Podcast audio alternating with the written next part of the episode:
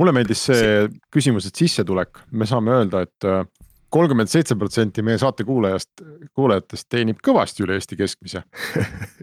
kolmkümmend seitse protsenti üle Eesti keskmise ja kaksteist protsenti ei teeni praktiliselt mitte midagi ja, ja mõned seal kirjutasid äh, täitsa lõbus vabas vormis ka, et no selle palga kohta ma küll nüüd õigesti ei vastanud. nojah, nagu, nagu me tuleks talle ukse taha koputama ei tea. hirm ikka on jah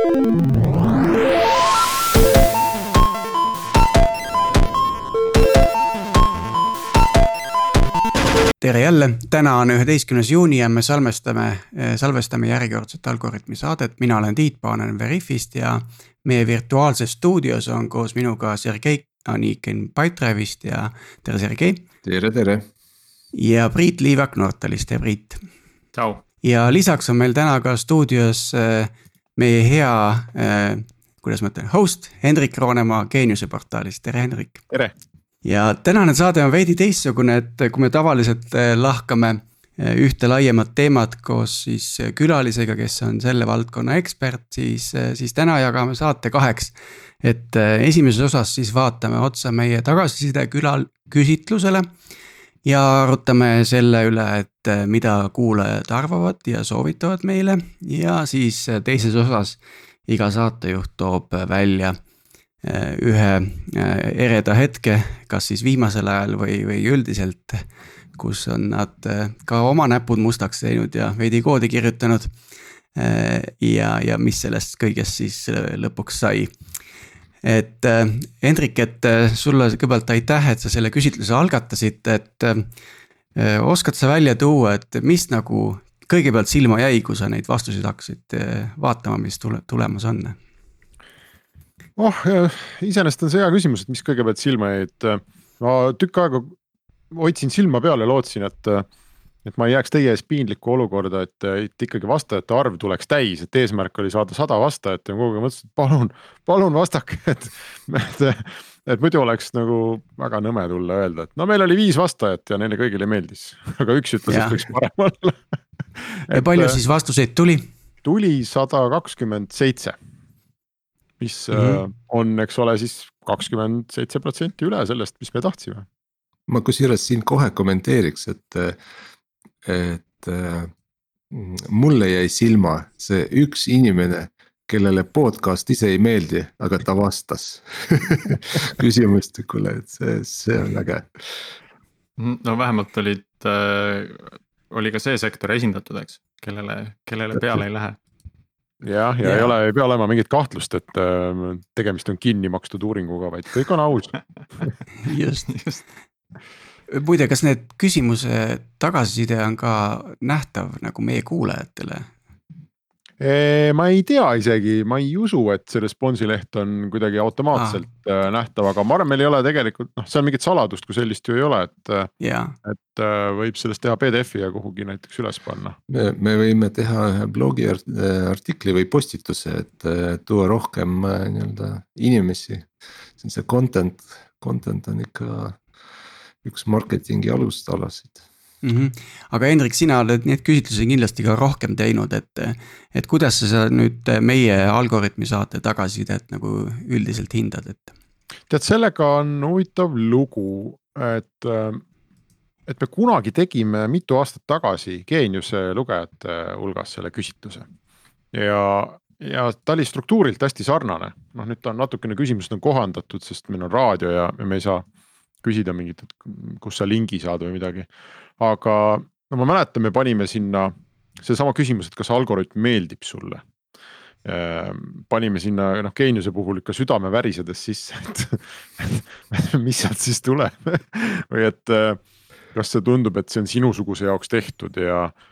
ja minu lemmikküsimus, et kas sinu arvates algoritmi tegijad saavad aru ja teavad, millest räägivad, on ju, et siis geeniuse puhul noh, me tõeliselt kartsime seda teades, kuidas inimesed ajakirjanikesse suhtuvad. aga nüüd sul äh, ei olnud mingit hirmu neid küsimusi sisse panna, sest sa ise ju eetris ei olnud.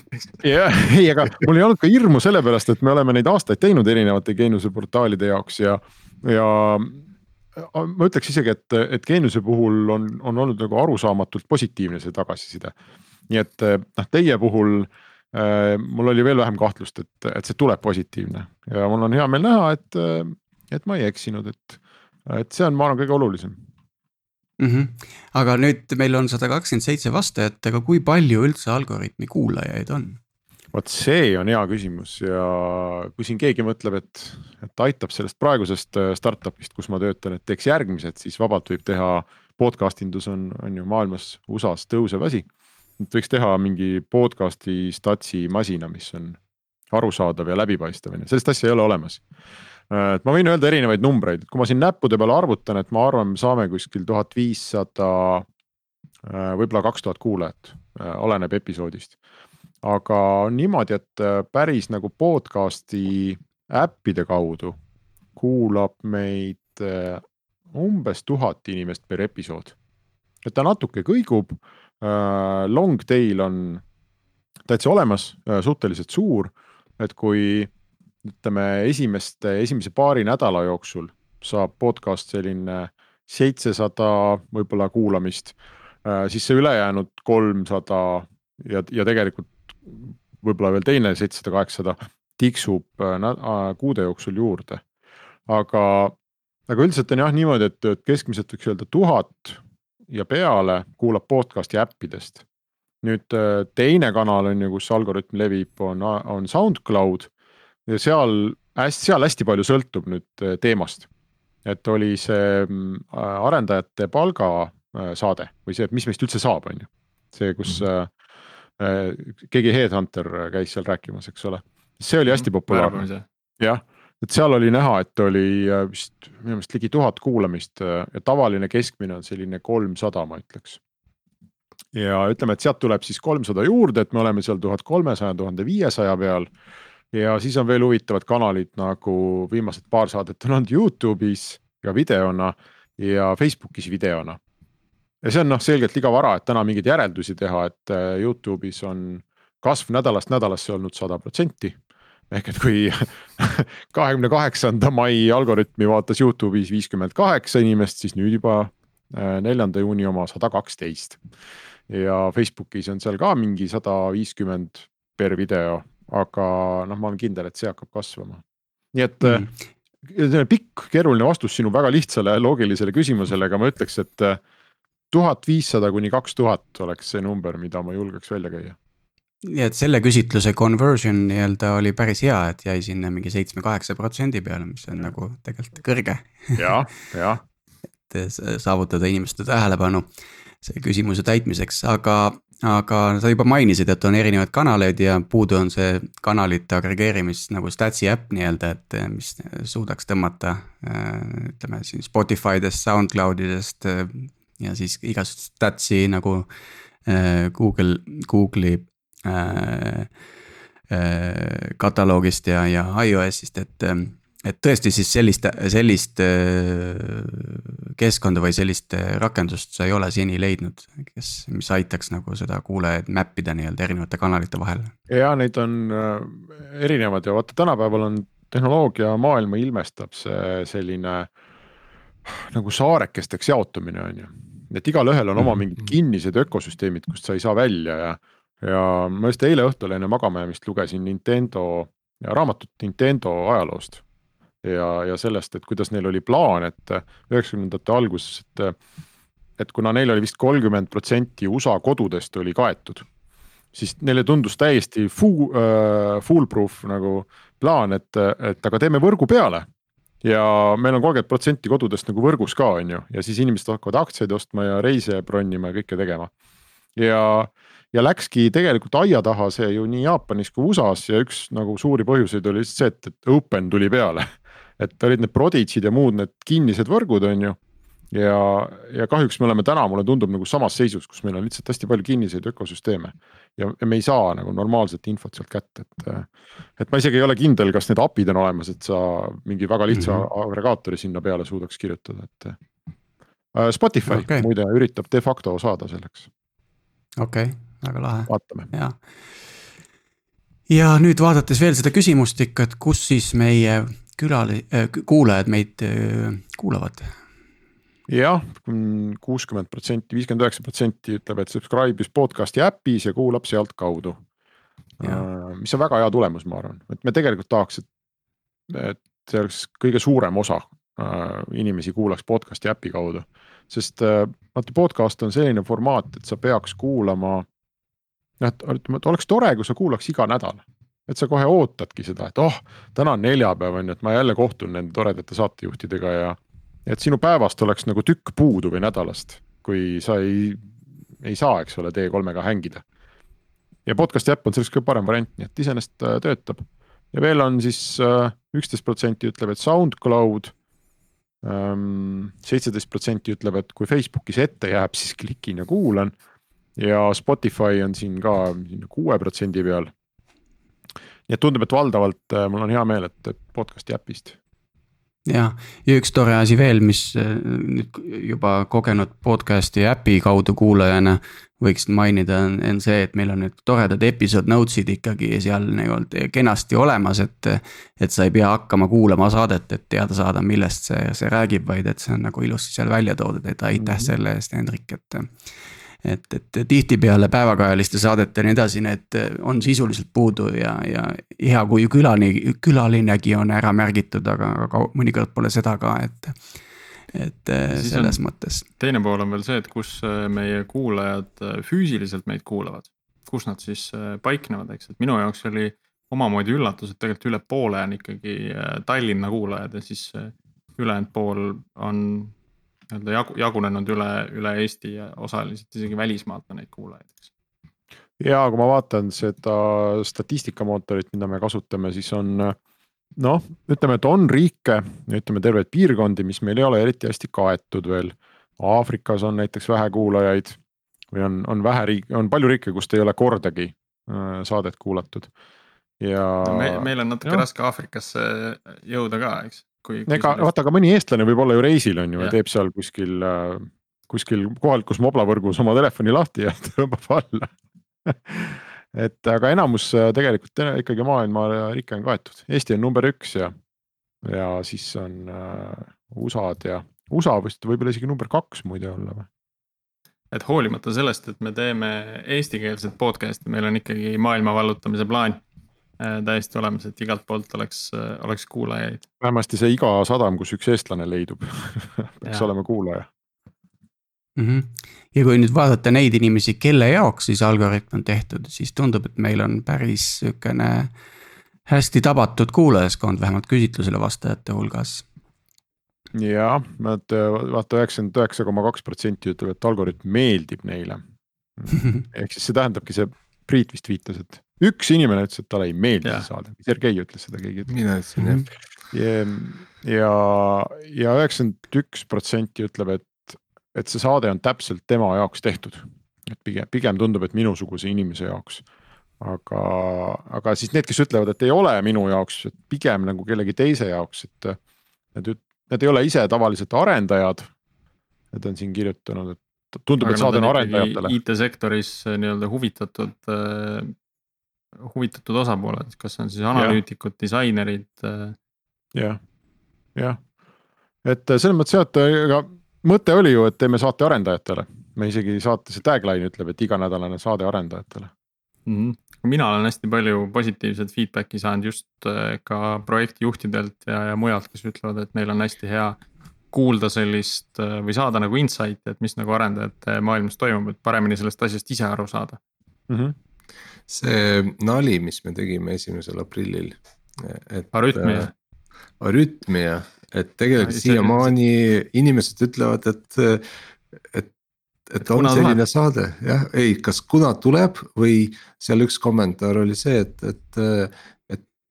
et minu meelest oli ka projektijuhtidele selline saade, et kas, kas see, kas see algoritm on nüüd selle jätk tuleb teha järelikult on ju.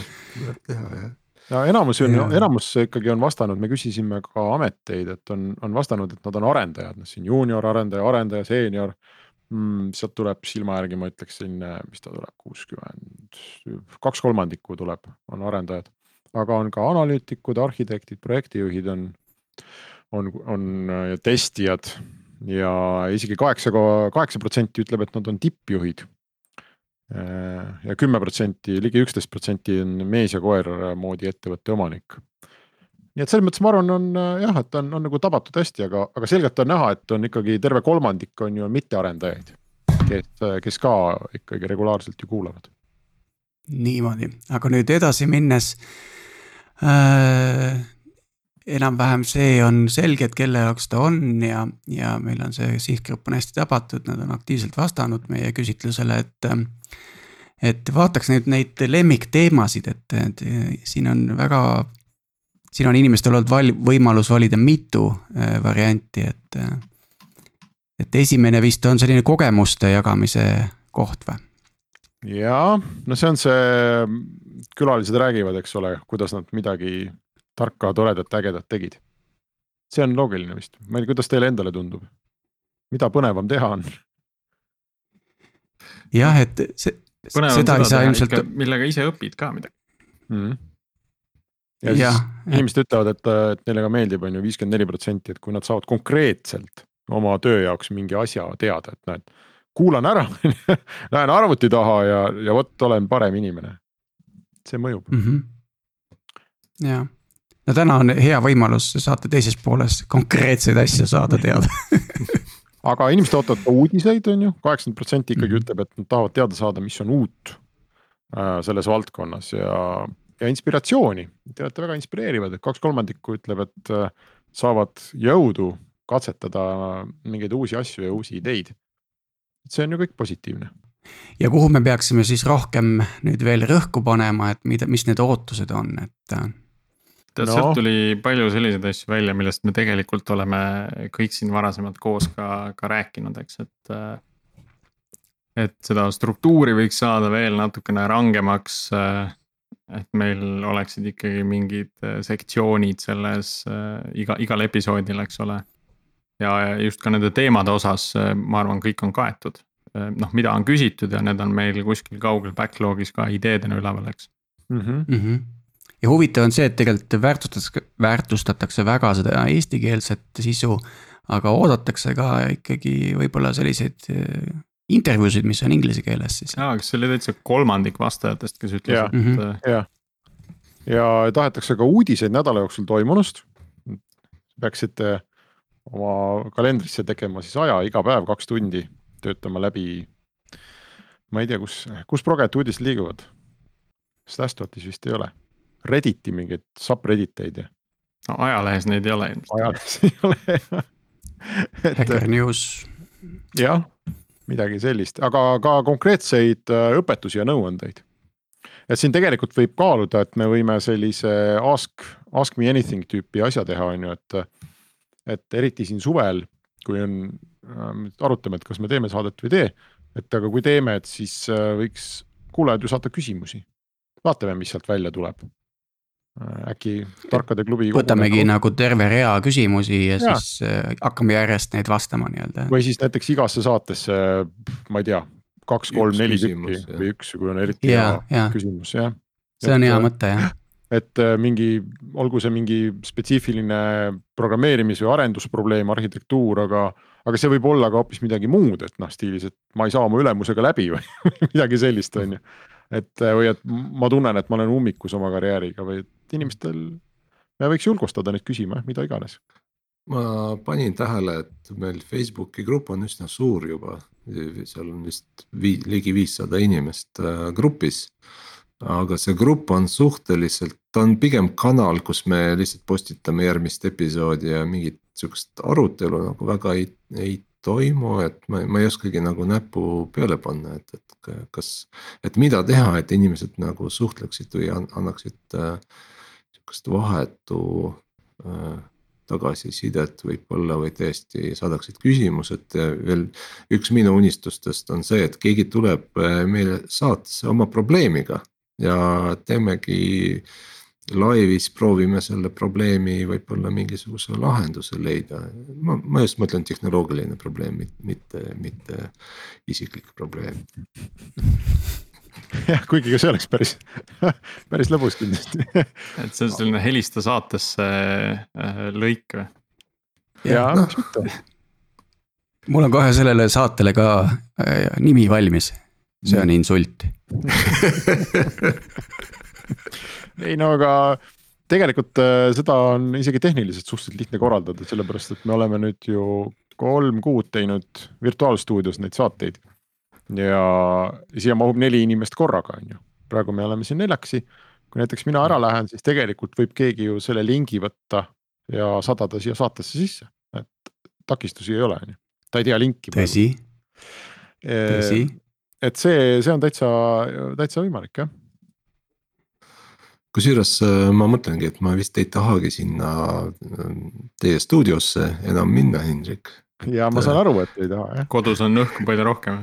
Üks asi õhk, teine asi on aeg, et mul äh, enne selle salvestamist just vahetult lõppes koosolek on ju, nüüd teeme teiega saate ja siis ma saan edasi toimetada siin kontoris, et et see on ka üks teema nagu, et kust äh, aega saada, et paremini ette valmistada ja neid kõiki uudiseid lugeda ja need äh, natuke ära protsessida ja külalise kohta võib-olla rohkem äh, infot korjata, et. Et seda aega kahjuks napib, me siiski ei ole ajakirjanikud, me, me oleme suhteliselt suurte ettevõtete, suhteliselt kõrgete ametipostide nii-öelda inimesed. Minu arust ajakirjanikel on veel vähem aega kui sinul, Sergei. nii palju, kui ma tean.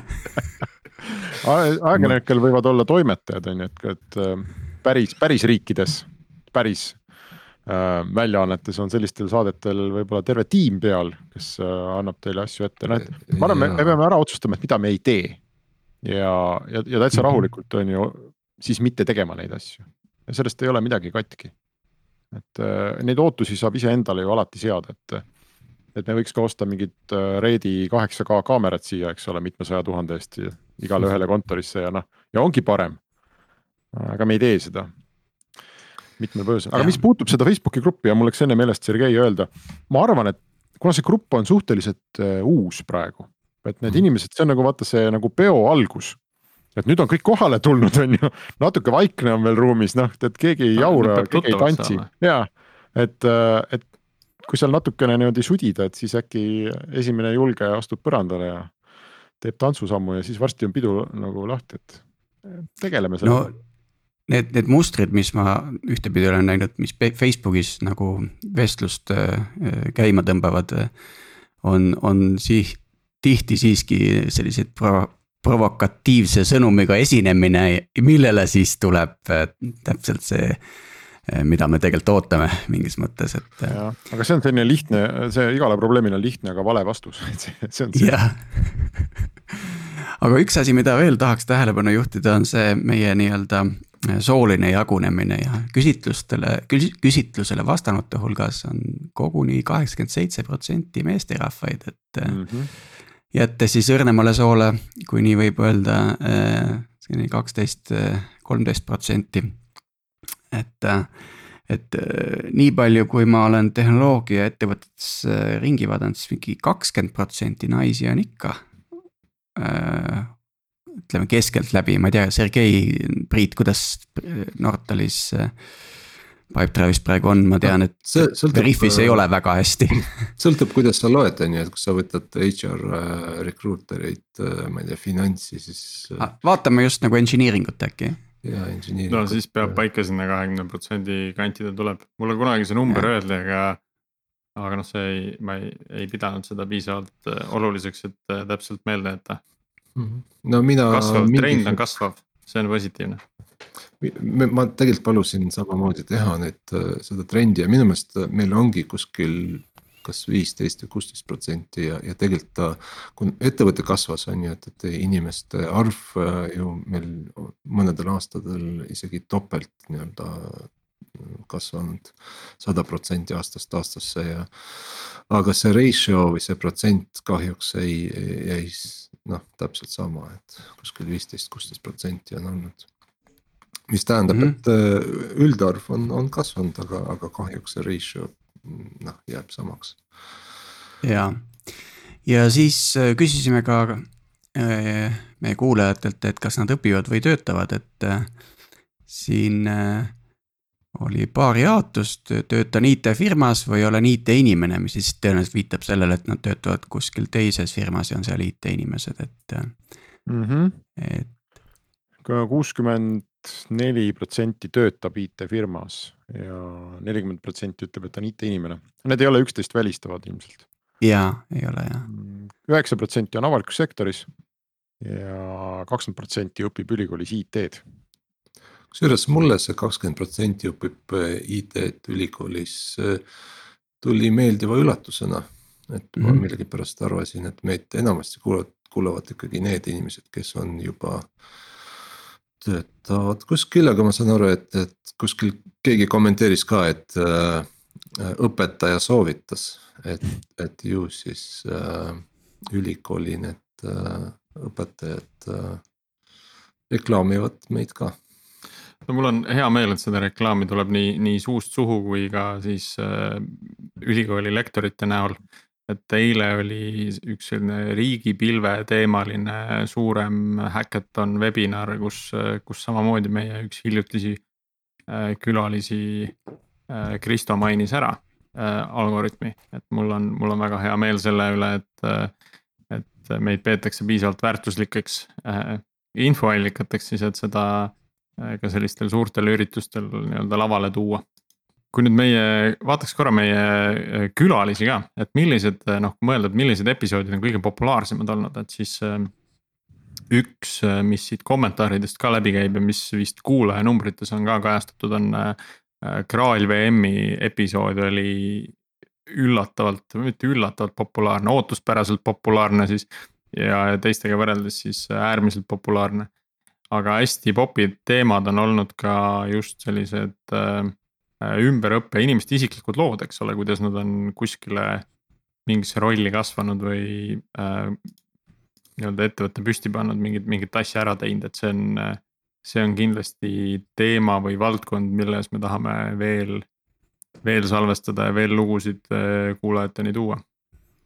Jah, äh, kõige populaarsem, populaarsem saade läbi aegade on kõige esimene saade sest mitte sellepärast, et inimesed oleks kuulanud ja siis edasi mitte kuulanud, vaid see on see long tail on ju ja noh, üldiselt see. igaüks, kes jälle hakkab pihta, hakkab ju sellest esimesest episoodist, iga uus kuulaja läheb sinna. võib-olla läheb vaatab jah, et mis seal toimub aga üldiselt on jah, kehtib nagu seaduspära, et mida vanem saade, seda rohkem kuulajaid. Erandeid on siin mõned on tõesti sees, on see, et mis arendajate töökohtadest saab. ja siis kellega oli see saade, et korrutasin tööintervjuul, et ma ei tea midagi, ärge mind palgake. Helen ja Hel.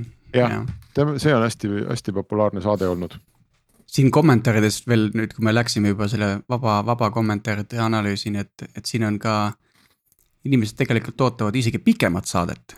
et kas see nagu üks tund on see standard või, või me peaks rohkem asju kokku kleepima ja, palju Sergeil kahe koosoleku vahel aega on meil üks saade vist venis pikaks. jaa, see natuke sõltub vist ka inimese harjumusest kus ta kuulab või mis olukorras ta kuulab, et seal me vist, kas me jätsime vahele seda, et. et mina näiteks kuulan podcast'i enamasti, kas, kui ma jalutan koeraga, mis on sihuke kakskümmend minutit, kolmkümmend minutit ja, ja selleks on ka omad nii-öelda formaadid olemas ja.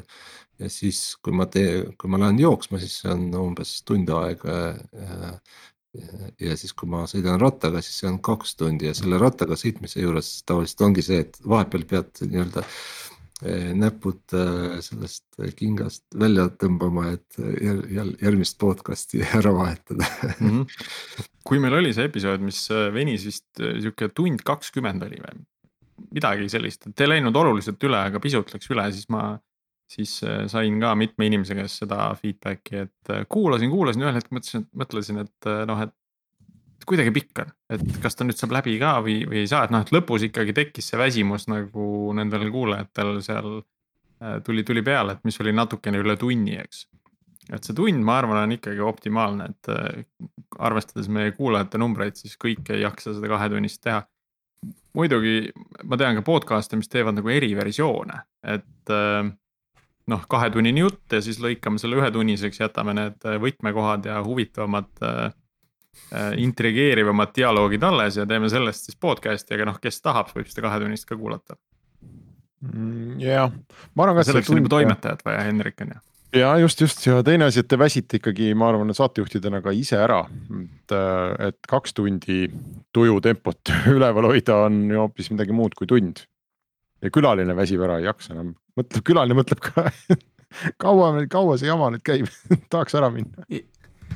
Sellest külalisest võikski kohe edasi minna selleni, et, et mis te, mis te arvate ja, ja meie kuulajad on ka siin andnud tagasisidet, et, et kui palju nüüd me tegelikult seda struktuuri peame austama ja, ja, ja või me, me hoiame seda nagu vabas vormis vestlusena, teadupärast vabas vormis, noh.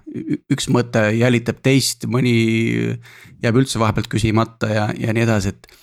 et, et kuulamise lihtsustamiseks kindlasti see struktuur on hea aga nüüd ma just tegingi praegu seda, mida siin on natukene ette ka heidetud, et, et, et mis, et kuidas ma öelda, ütlen et kui palju peaksid saatejuhid sisu osas panustama, kui külaline on saates versus lihtsalt avama seda teemat saatejuhtidena. Eh, eh, ja mitte tegema seda tööd nagu külalise eest ära mingis mõttes. no see, see sõltub jälle, ma arvan, väga palju kuulajast. Ja külalisest. ja külalisest ka jah külaline on minu meelest võtmeküsimus, et kui külaline oskab äh, rääkida huvitavalt äh, oma teemast, siis äh, tegelikult seal väga palju.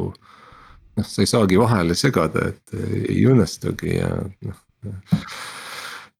aga, aga jah, vahest on külalis on vaja suunata see on tegelikult hoopis eraldi teema, et, et äh, väga paljud inimesed äh, pelgavad nagu tulemast, et äh, sa tead, et nad tunnevad teemat, aga siis nad, ma, ma nagu ei julge või ei taha või. pead sundima neid või, või paluma, et tule palun. tahaks pikemat roster'it võib-olla nende erinevate huvitavate inimeste mitte ilmtingimata juhtivatel positsioonidel, vaid Äh, vaid neid inimesi, kes teevad sihukest keerukamat tehnilist tööd, et siis äh, võib-olla me saaks ka rohkem sügavuti minna mingite tehniliste küsimuste sisse mm. -hmm. ja seega endiselt üleskutse, et meie kuulajatele saatke meile soovitusi, keda, keda siis kasvõi kutsuda saatesse, kui te ise tulla ei taha, et. anna, et anna sõber üles anna sõber üles jah, et me võtame, võtame sabast kinni ja veame stuudiosse. kui palju meil üldse Eestis äh, siukseid eesti keelseid äh, arendajaid on, huvitav. mina olen hoidnud nagu mõttes sellist kümmet tuhandet umbes, et äh, ma olin kunagi mõned aastad tagasi ITL-is, siis me arvutasime kokku IT-sektori tervikuna, see oli mingi seitseteist tuhat kahe tuhande kümnendate alguses seal. et nüüd on see kindlasti veel kasvanud, noh ühtepidi ka ülikoolist inimesi tuleb pidevalt peale või, või ka nii-öelda teistest koolidest, et äh, IT-d õpit-, õpetatakse tegelikult ka kutsekoolides.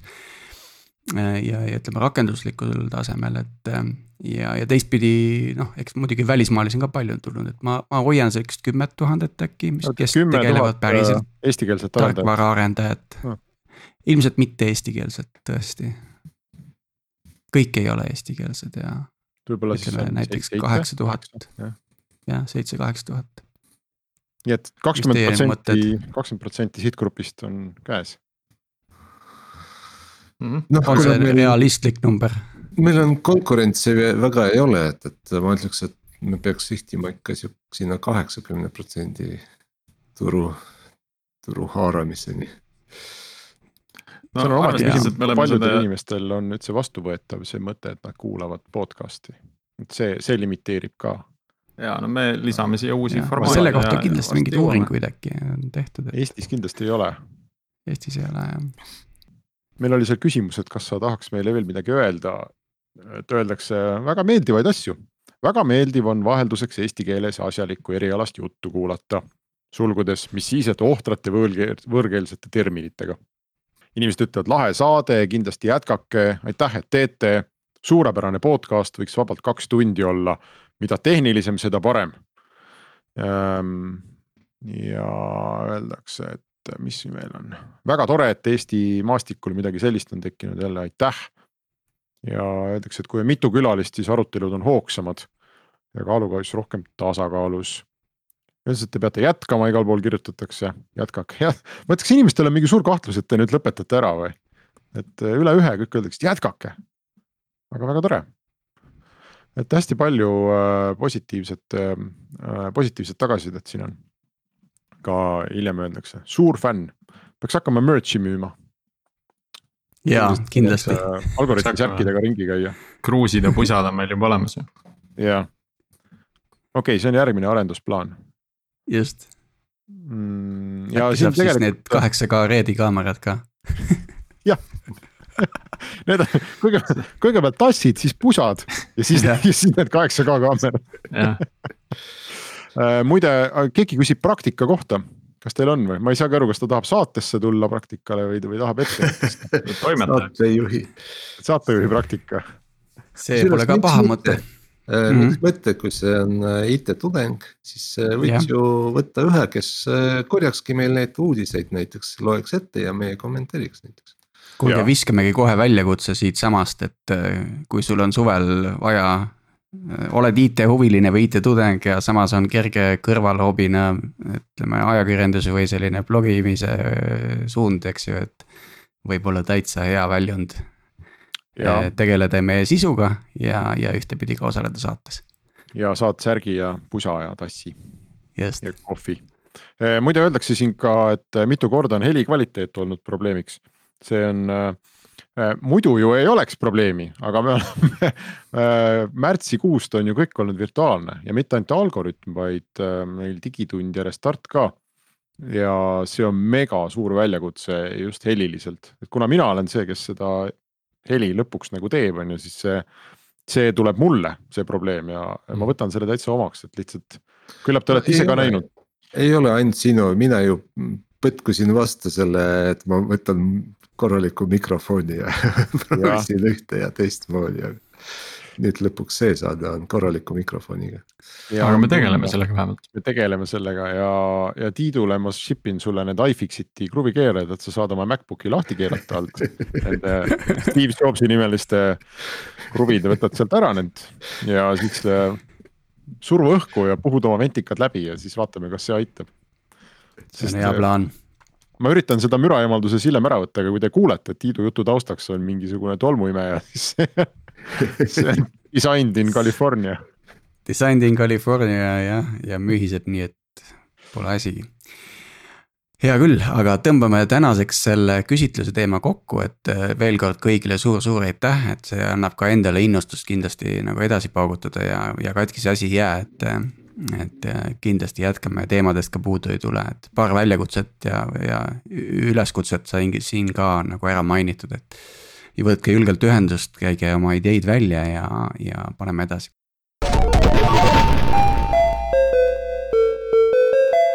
aga nüüd läheks nagu teise osa juurde ja, ja mõtlesime siin omavahel, et mis oleks selline hea äh, poole saate pikkune teema, mida mida katta ja siis oligi mõte, et käiks.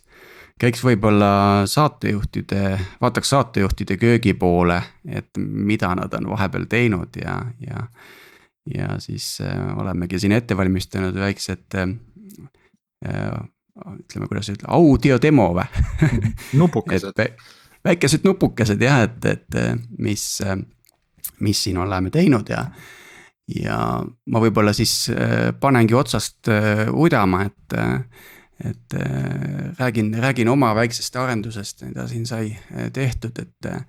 et kuna minu õlul on ka Põhjala Brewery veebipoe haldamine ja, ja me kasutame selleks Shoprolleri platvormi mis on muidugi väga tore, sihukene noh, maksad kolmkümmend eurot kuus ja sul on terve veebipood et, et töötab päris toredasti, eelkõige on seal lahe see, et kõik maksevahendid ja logistika provider'id on. on sinna juba sisse integreeritud, nii et, et sellega pole vaja eraldi enam tegeleda ja, ja pole vaja seda ka toetada, et see nagu töötab nii-öelda kohe äh, riiulilt võttes ja, ja mis siis äh, oli väljakutse, oli see, et äh, tuli koroonakriis äh, ja ühel hetkel oli vaja Põhjala veebipood, mis oli nii-öelda nännipoeks mõeldud mõne artikliga. küll aga rahvusvahelise tarnemeetoditega oli vaja siis teha õllepoeks ümber, et teadupärast õllede müümisel on oluline see, et oleks kuidagimoodi kindlustatud see, et see inimene, kes selle toote saab, on ka täisealine ja ja siin koostöös meie kulleritega ja Smartpostiga tegelikult, äh, kui sa tahad õlut tellida, siis äh, sa pead ka oma isikut tuvastama, et kas siis automaadis või otse sellele kullerile, et äh, ja seal oma vanuse ära tõendama. aga. mul oli sellega üsna hiljuti üks selline pigem ebameeldiv kogemus, kus pakiautomaat lihtsalt minu ID-kaarti ei lugenud. ütles, et noh, pane ID-kaart sisse, paned sisse, midagi ei juhtu Mm -hmm. ja siis, äh, siis oli muidugi see tihe pakkide saatmise aeg ka, kus äh, abitelefon äh, noh, pani mind viieteistkümneks minutiks ootele. pärast mida siis võeti vastu ja öeldi, et noh, et sorry, aga me ei saa mitte midagi teha nagu siitpoolt. et mm -hmm. proovige, ma ei tea, hiljem, hiljem uuesti, et äkki hakkab tööle, et me saadame tehniku kohale, et kõik paistab korras olevat et, et siis ma küll nagu veits vihatsesin, et pakiautomaadil on kaamera küljes, et noh, ma ei tea, pane see pilt endale ekraani peale ette, ma näitan seda ID-kaarti sulle sinna kaamerasse ja tee mulle see kapp lahti, on ju, aga nad vist ei saa sealt kappi lahti teha ka. ja neil on vaja kiiresti Veriff sinna sisse integreerida ja, ja siis äh, reaalajas see, see nii-öelda isikutuvastus ära teha ja, ja dokumendi pealt välja lugeda see, see sünnikuupäev ja võrrelda seda võib-olla rahvastikuregistriga, aga nüüd minnes edasi, siis, äh, siis ühel hetkel hakkas meie väga vaikselt toimivasse nännipoodi tulema hulgaliselt tellimusi. ja, ja äh, oli vajadus siis teha mingit analüütikat, et aru saada, et kui hästi meil siis läheb ja, ja noh, veebipoe põhianalüütika on põhimõtteliselt conversion, mis eesti keeles võiks olla konversioon äkki. konversioon et, et kui palju siis äh, meie Eesti külastajatest, mida me saame Google Analyticsist kenasti kätte, eks ju. Äh, siis te, sooritab lõpuks ostu ja, ja noh, see ju on lihtne, võtad kõik tellimused ja siis võtad kõik äh, andmed Google Analyticsist ja paned ühte sheet'i, spreadsheet'i asjad kokku ja aga siis juba kolmandal-neljandal päeval hakkas jubedalt tüütama, et, et miks ma pean seda manuaalselt tegema, et seda peaks nüüd automatiseerima. ja viskasin pilgu peale sellisele asjale nagu Google Apps Script mis siis äh, nüüd alates sellest aastast, äh, siin viiendast veebruarist kakskümmend kakskümmend töötab siis V8 runtime'i peale, ehk siis põhimõtteliselt toetab JavaScripti out of the box. ja äh, oligi siis äh, kiired Google'i, guugeldamised, mille tulemusena siis äh, sai selgeks, et tuleb teha kahte asja. et üks on see, et äh, logida sisse sinna ShopRollerisse, millel õnneks oli siis nii-öelda puhas äh, äh kasutajanimi, parool äh,, logimise leht äh,. noh, kasvõi Vigetiga või, või, või Kurliga saab nagu sisse logida, eks ju Äh, ja, ja, ja siis äh, pärast seda sisselogimist äh, headeritest välja võtta cookie ja see reformat ida selliseks, et sa saad selle järgmisele request'ile kaasa panna. ja saad siis juba suvalist URL-i põhimõtteliselt kasutada või seda, seda külastada siis juba nii-öelda, et sa oled autentitud, eks ju ja, ja Google Apps Scriptis on äh, URL-fetch äpp äh, klass, äh, millel on ka mõned meetodid, mida siis põhimõtteliselt on väga lihtne kasutada sisu, sisu download imiseks ja.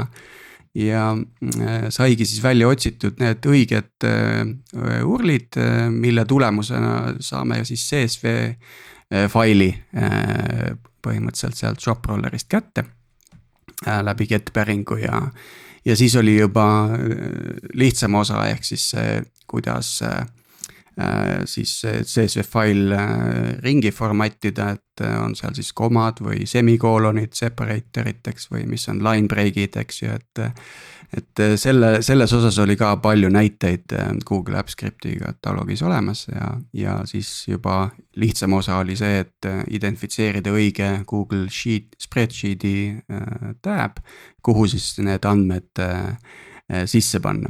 natukene oli, oli sahmerdamist selle, selle cookie õigesse formaati saamine, saamisega.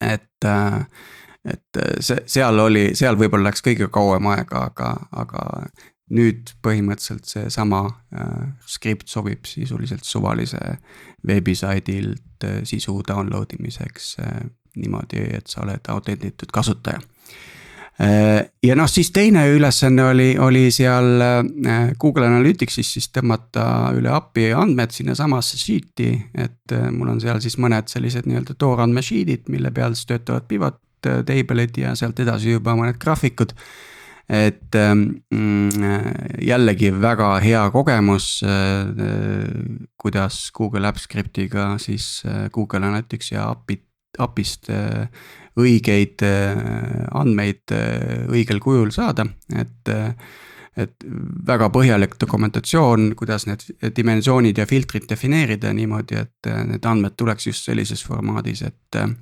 Et neid oleks ka lihtne siis lihtsate spreadsheet vahenditega, ma ei tea, VLOOK-id ja nii edasi, VLOOKUP-id ja nii edasi, et eh, siis võrrelda. aga ja... kokkuvõttes see on ikkagi see Google Apps Scripts on nagu Zapier või uh, if this then that, ainult et sa saad script ida seal neid, neid samme ka, eks ole, ta on nagu veidi dünaamilisem selles mõttes. just, just, et igasugused sellised uh, noh, mis on seal, seal nii cookie kui ka tulemustega natuke tuleb seal selle formaadiga tööd teha, et. et sa ei peaks seda enam tegema siis manuaalselt seal eh, Google Sheet'i peal siis, eks ju. Et, et, et see jääks siis päriselt nagu automaatselt tööle. Ja mis on muidugi tore veel on see, mingisugune serverless'i platvorm all või midagi muud vot see ongi huvitav, et kus see, kus see siis päriselt töötab, et et, et mis run ib seda, seda V8 runtime'i, et. et noh, asja võlu ju tegelikult on selles ja, ja miks ma nagu tahtsingi seda Google Sheet'i peale teha, on see, et see ei maksa tõesti mitte midagi. nagu see ei maksagi mitte midagi ja see päriselt töötab automaatselt ja seal on nagu nii-öelda cron on võimalik käima panna ja et trigerdab teda regulaarselt, eks ju et, ähm, et ma arvan, mul on nagu noh, see on mul põhimõte olnud kogu aeg Põhjala infosüsteemi arendades, et äh, kui midagi saab nagu ilma rahata teha, siis tuleb seda teha nii kaua kui võimalik. et, et noh, samamoodi meie andmeait maksab meile äh, vist kümme eurot kuus üks, üks server, eks ju, et, et Amazonis et seal peal siis jookseb äh, MySQL ja Redash ja, ja Grafana, et ähm, Äh,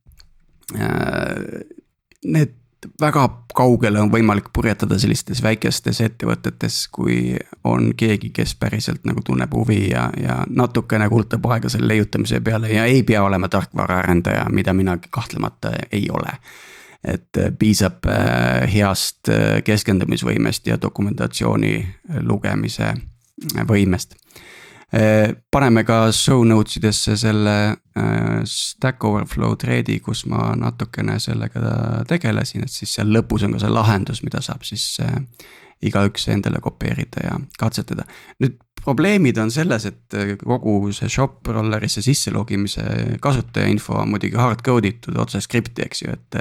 seda teenust ei ole, et ma kuskilt key value store'ist mingi hash itud parooli toon, et see on ikkagi puhas selline amatööri nagu lähenemine, et kõik on kaitstud, üks dokument, üks omanik, eks ju, et. et kui ma nüüd peaksin seda jagama, siis ju kohe lekivad minu, minu kasutajatunnused Shoprollerisse, eks ju, et. et seda ma ei saa kindlasti lubada, aga, aga selline enda töö automatiseerimiseks nagu väga hea exercise ja, ja tuli päris hästi välja mm. -hmm. see on äh, noh, ma tahaks kuulda sinu kogemust äh, sellise aasta pärast või poole aasta pärast, et. Äh, kas sa siis ka veel äh, mäletad nagu täpselt, kuidas see asi püsti pandi või. või oled sa siis liikunud juba mingisuguse keerulisema lahenduse suunas või et, et kuidas see nagu evolve ib, kas ta jääb sinna garaaži nurka nii-öelda ja töötab edasi ja keegi enam ei mäleta, kuidas see käis või kuidas see kokku pandi, eks ole, või siis.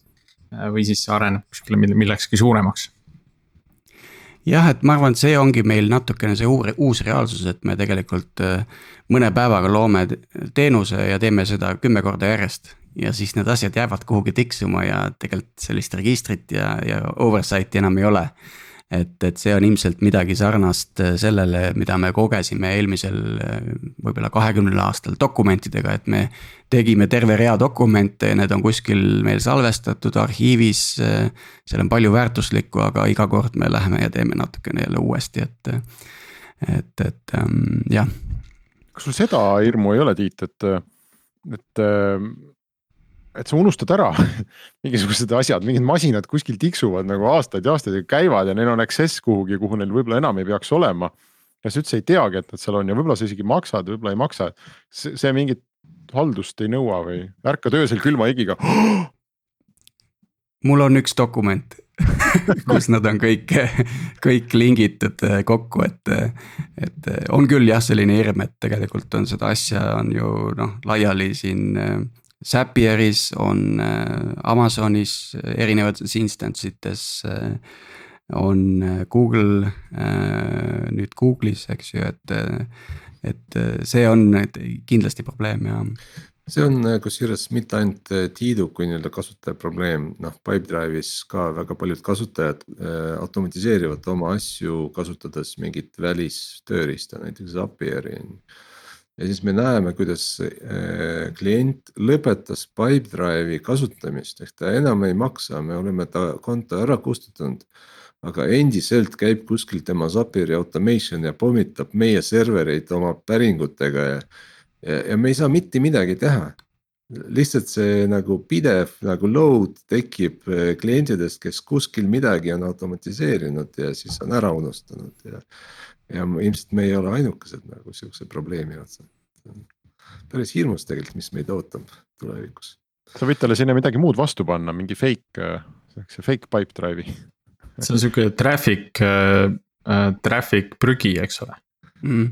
mul tuleb, tuleb meelde tseen või tseenid Star Warsist, et äh, seal on ka vaata, kui te seal vaadata, siis seal on hästi palju siukseid nagu madalal tasemel väikseid single purpose mingeid vendasid kihutab ringi, kellel on üks ratas ja, ja nagu suvistavad kogu aeg ringi, et et on nagu.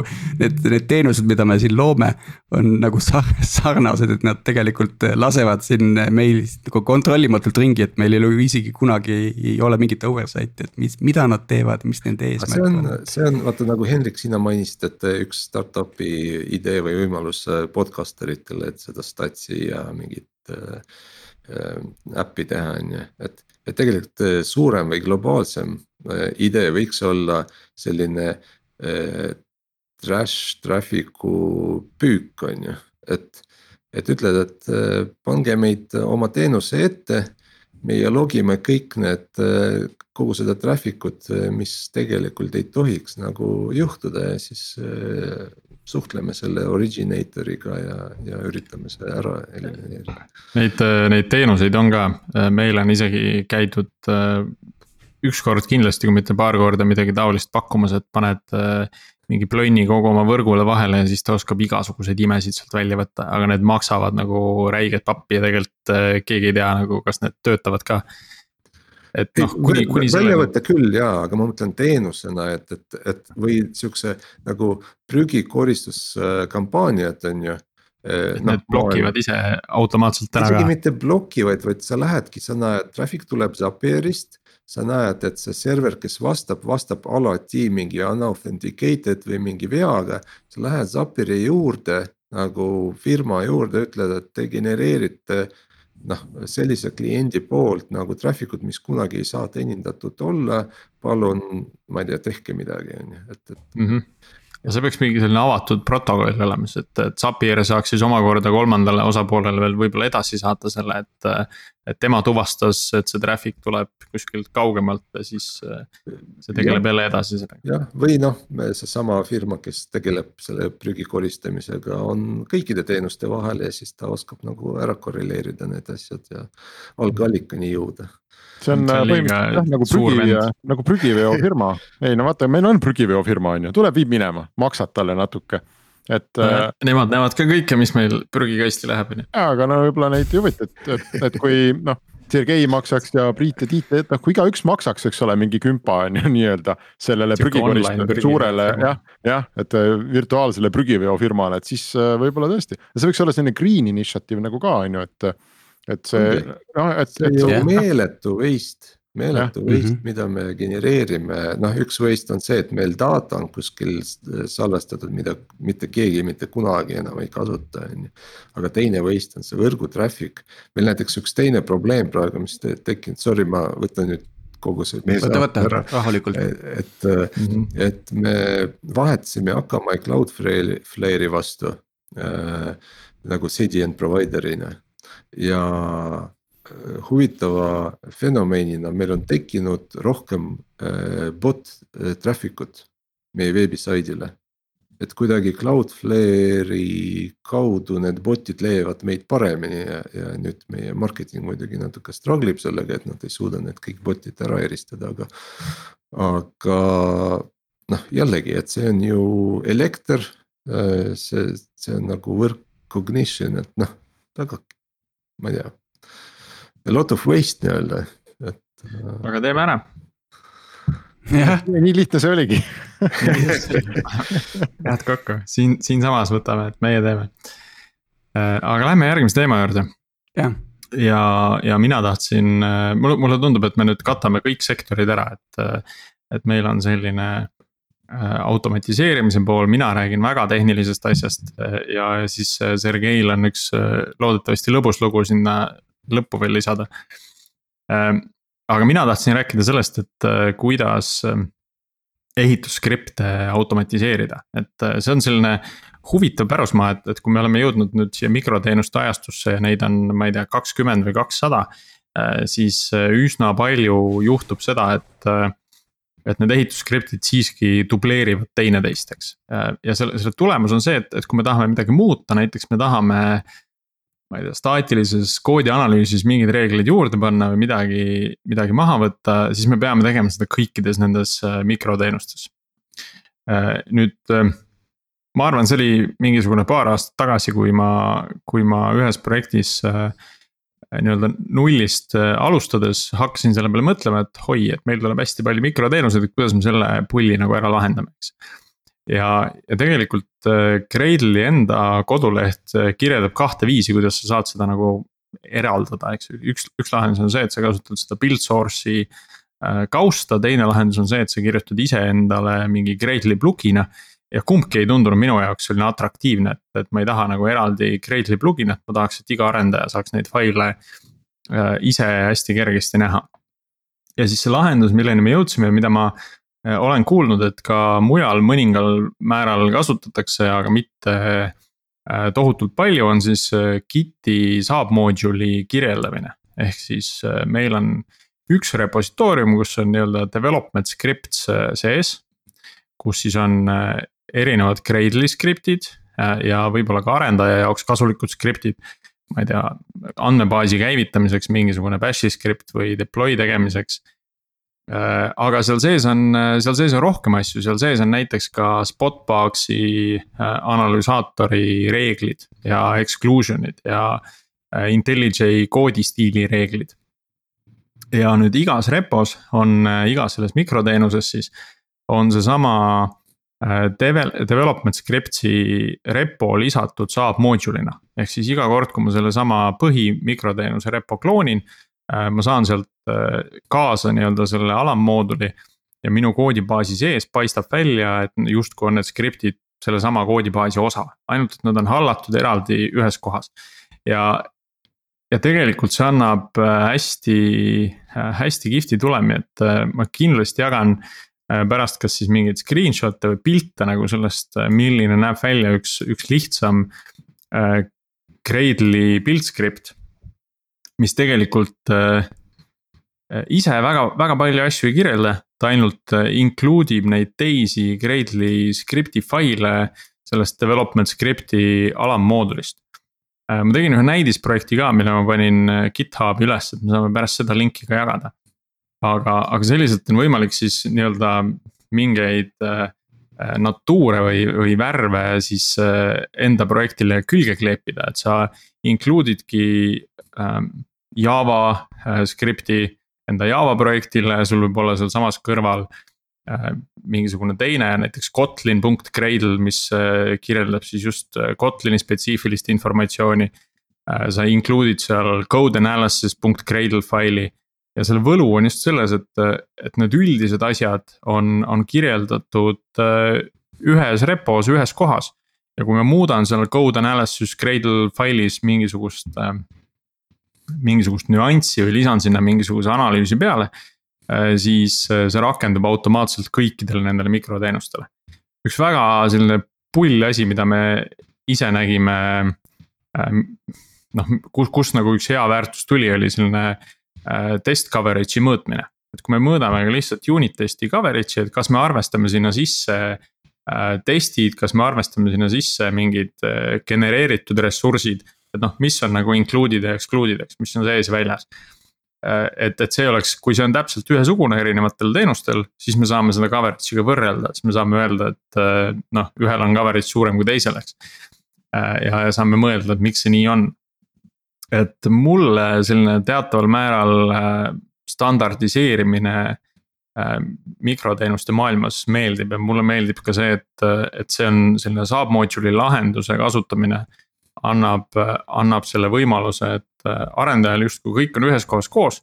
ta saab isegi seda skripti muuta, kui ta tahab. aga ta peab lihtsalt arvestama, et kui ta selle ära commit ib ja push ib, et siis ühel hetkel see jõuab kõikide projektideni. ja ta võib siis midagi katki teha, eks aga et sinna sisse saab panna nii-öelda neid ressursse, mis justkui peaks kogu, kogu tiimile laienema või kogu tiimile jagatama.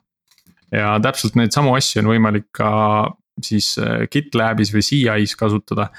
Äh, et, et ka CI oskab seda alammoodulit initsialiseerida ja sinna siis nii-öelda need jagatud development script'id sisse tõmmata. et see on põhimõtteliselt nagu library ainult ehitusskriptide jaoks, eks, hmm. sihuke värk kas, kas te, kas see on nii-öelda avalikult kättesaadav, et kas see on open source, kui, kui palju üldse te nagu open source ite oma mingisuguseid siukseid üldistatavaid lahendusi? Ehm, eks me ikka proovime, aga ma arvan, me ei oska nagu alati näha seda, seda väärtust, et mis on siis seda open source imist äh, nagu väärt. et, et ma tean siin ka GitLabi ähm,, GitLab CI puhul on, on üks lähenemine, mida me oleme mitmes projektis juba kasutanud, mida on, mida on siis ka kliendid ise üle võtnud. just selle tagasisidega, et oo, see on päris hea reusability, et noh, et. et me tahame ka selliselt seda asja teha. noh, ja selle, sellesama Gradle'i submooduli lahenduse, noh ma nüüd panin GitHubi, et ütleme, et see on siis algoritmi teene. ja, ja loodetavasti see, see leiab ka seal siis mingit feedback'i või, või siis taaskasutust, et eks nagu kõigega, sellel on omad äh, väiksed nüansid ja probleemid, aga. aga ma ütleks, et siiani äh, projektid, mis on seda juba üle, üle paari aasta kasutanud, näevad seal nagu pigem rohkem seda väärtust, kui. Äh, noh, et see overhead on minimaalne mm.. ma avastasin, et sorry Tiit, ma avastasin, et suurte firmade noh, need Uber, ma ei tea, Airbnb, Facebook. et, et sa võid minna GitHubi ja brausida nende reposid on ju ja seal on hästi palju erinevaid äh, nagu open source itud tool'e, mis tihti ongi, sa vaatad, et. ega ta ei olnud nagu äh, üldkasutamise jaoks mõeldud, et ta, nad lihtsalt vaatasid, oo, et, et mingi geneeri-, suhteliselt generic kood, et. teeme ta open mhm. source'iks ja kes tahab, loeb koodi või kopeerib või leiab ideid sealt, et, et. no see on ka selline pigem nagu lähenemine, eks, et see on nagu approach, mida nagu kirjeldada, et. et me ei saaks isegi noh, neid samu taaskasutatavaid Gradle skripte, ma arvan, üks-ühele keegi ei võtaks üle mm.. pigem ikkagi kopiks enda projekti, teeks nagu väikseid muudatusi siin ja seal, et see on ikkagi nagu projekti spetsiifiline. aga kui sul on jagatud see juba noh, kahekümne või kahesaja mikroteenuse vahel, et siis see reusability võit on seal või taaskasutatavuse võit on päris suur. Mm -hmm. selle open source imisega on selles mõttes, mul on natukene alati hirm, et äh, mul on äh, vähemalt need projektid, mida ma olen äh, kõrvalt saanud vaadata, siis see distsipliin ja. ja see, see arendus ja, ja selle koordineerimine on tegelikult nagu tundub vähemalt päris kõva overhead tegelikult, et see ei ole niisama, et. et seda tegelikult peab väljas tegema tihtipeale palju kvaliteetsemalt, kui sa üldse majas sees kunagi teeksid, et. et see on natukene olnud võib-olla takistuseks, et meil on ka siin mõned nagu projektikesed, mis, mis nagu võiks olla täiesti noh, tooling'u mõttes just nagu open source itavad, et siin kube automation tool ja. Service visibility, et. see võiks olla täiesti eraldi nagu saade meil, et kui leiaks mõnda inimest, kes on sellises suuremahulises open source projektis osalenud, et äh, võiks täitsa rääkida, kuidas see open source. ja üleskutse jälle, et võtke, võtke aga ühendust, kui te olete avatud lähtekoodiga asju palju teinud. mul tuli äh, Priidu juttu kuulates meelde, ma arvan, et see oli, oli keegi Eestis, ma ühesõnaga, ma istusin mingil koosolekul, mingil konverentsil, mingi žüriis kuskil, kus käis läbi idee, et, et teha äh, äh, pankrotti läinud startup'ide lammutuskoda et oh. päris palju nagu IP-d jääb üle, on ju, mis ei mm -hmm. ole mhm. noh, tingimata üldse open source, sest keegi on selle investorite raha eest ju teinud. ja noh, pärast hiljem see lihtsalt umbes kustutatakse ära, sest ei ole ka mingit platvormi, kus sa võid oma mingi valmis tehtud noh, tüki X on ju panna müüki mingi hinnaga et äh, see oleks päris lahe mõte, mingid vennad on mm -hmm. noh, San Francisco raha eest võib-olla kolm aastat kirjutanud midagi ja ei tulnud välja, aga äkki sul läheks just sellist, sellist kardaaniristi vaja noh no kasvõi nagu õppematerjali mõttes, kui hind on ju sobiv, et siis eh, noh, tahaks ju näha, mis. mis, mis sellest sai? päris lahe, lahe idee tundub. jah, mul lihtsalt praegu tuli lihtsalt uuesti meelde, et see oli juba mitu aastat tagasi, kui ma kuskilt sellist juttu kuulsin, et, et võiks teha, aga. aga küllap see vist on keeruline juriidiliselt, et, et need pankrotti läinud ettevõtted ilmselt ikkagi lõpuks ühte või teistpidi kuidagi maanduvad kusagil, et noh, keegi ostab ära või. või on nad mingi pankroti varas või noh, midagi juhtub seal sam,. samas, kui sa mõtled, et, et sa tead, et eh, noh, nagu vana autoga, et, et noh, sa viid sinna, on ju, sa ei pea muretsema, et, et. et eh, võib-olla startup idel on samamoodi, et kui sa tead, et noh, isegi kui mitte midagi ei õnnestu, siis eh, see lammutuskoda on see, kus ma vähemalt saan võib-olla mingisuguse. tuhat euri tuhat euri oma koodi eest. See on ju täitsa okei okay., noh samamoodi nagu ettevõtete likvideerimisega ju, noh see on ju suur äh, peavalu mm. -hmm. nii, nii, aga kas me jõuame või ei jõua? proovime ikka jõuda okay.. jõuame ikka, teeme ja kaheks saateks selle, mulle tundub okei, äh, räägin siis taustalugu, et äh, Pipedrive'is äh, üks tehnoloogiatest, mida me kasutame, on Elastic. sellest muide võiks ka veel ühe eraldi saate teha, et Elastic on igavene võimas tööriist tegelikult. et see kasvas välja ju täisteksti otsingu mootorist, et noh, seal mitu erinevat nii-öelda tehnoloogiat on olnud. Elasticsearch on siis see, mida me kasutame ja me kasutasime ta äh, otsinguks äh,. erinevate andmete otsinguks Pipedrive'is ja kasutasime ka äh, klientide email'ide salvestamiseks, sest noh, emailidest ju sa tahad ka otsida ja, ja kui me juba salvestame, siis äh, otsimiseks, siis hoiame ka seal nii-öelda see päris keha äh,. ja, ja meil äh, oli selline struktuur, kus igale firmale oli tehtud eraldi indeks ja Elasticus äh, ja, äh, ja kuna igal firmal on äh, ID on ka olemas, siis indeksi nimes oli firma ID, ID. et oli siis mailbox alakriips firma ID või siis search alakriips firma ID.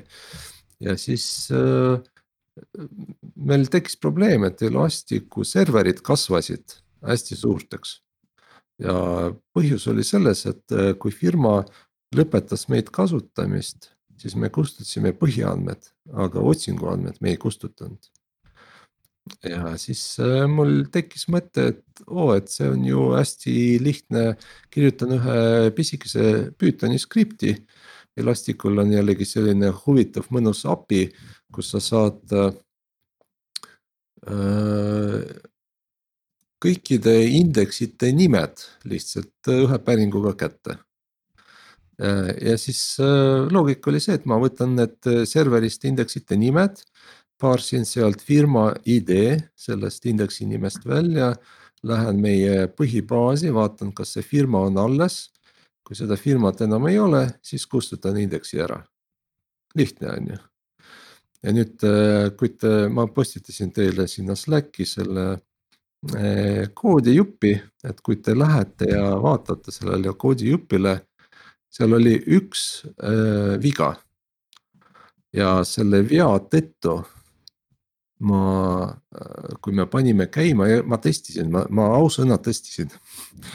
aga, ja ma kontrollisin andmed ja kõik tundus nagu väga õige. aga kui me panime äh, laivis käima äh, ja siis see käis mingisugune ütleme, noh, see võttis aega ikkagi protsessimine ja ta käis kuskil pool päeva või isegi natuke rohkem siis me avastasime, et, et äh, lisaks nendele mitte ole äh, noh, nii-öelda ära kadunud firmadele, me kustutame ka indekseid olemasolevatel firmadel. et, äh, et firma oli andmebaasis olemas, aga see skript millegipärast arvas, et seda ei ole ja kustutas tema need nii otsingu kui ka meilid ära et kas te suudate leida siin koodis vea, et annan teile, ma ei tea. ma tegelikult ütlen teile, kus see, mis see reanumbris see viga on, see reanumber on kolmkümmend kaheksa. oh, nii ees. ahah. ma otsisin taga, tagantpoolt juba ikka. Ei. indeks üheksa see üheksa siin on nagu ei tööta, ühesõnaga ma saan aru.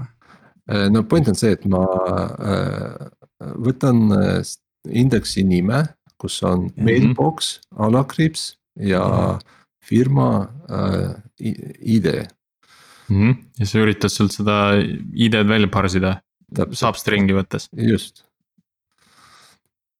Nii, ja mis see, mis see üheksa, mis, mis seal seda viga on? no alates üheksandast Charist ta siis. ma arvan, et see, see on see, see on see koht, kus äh, kõik need meie tudengid, kes Pythonit äh, õpivad ja seda kuulavad ja vaatavad. oskavad nagu kindlasti öelda, mis siin viga on aga mina, kes ma olen kunagi käinud äh, võib-olla mõned read seda Pythonit kirjutanud, siis on jään jänni. kas see on mingisugune loll asi nagu, et lugemine algab tegelikult nullist või? Täpselt, et, et ma lugesin nii mailbox alakriips, siin on kaheksa märki. järelikult ma hakkan lõikama alates üheksandast. aga kuna Pythoni äh, array äh, indekseerimine algab nullist siis ma pidin mm -hmm. hakkama lugema kaheksandast mm. -hmm. ja kuna ja mõlemad sellise..., mõlemad olid numbrid ja numbrid olid üsna pikalt ja, ja, ja siis ma lõikasin mitte, tundus, et töötas, sest et, et ka lühema numbri firmad olid olemas, et, et kui, kui noh, kui ma ei oleks leidnud ühtegi.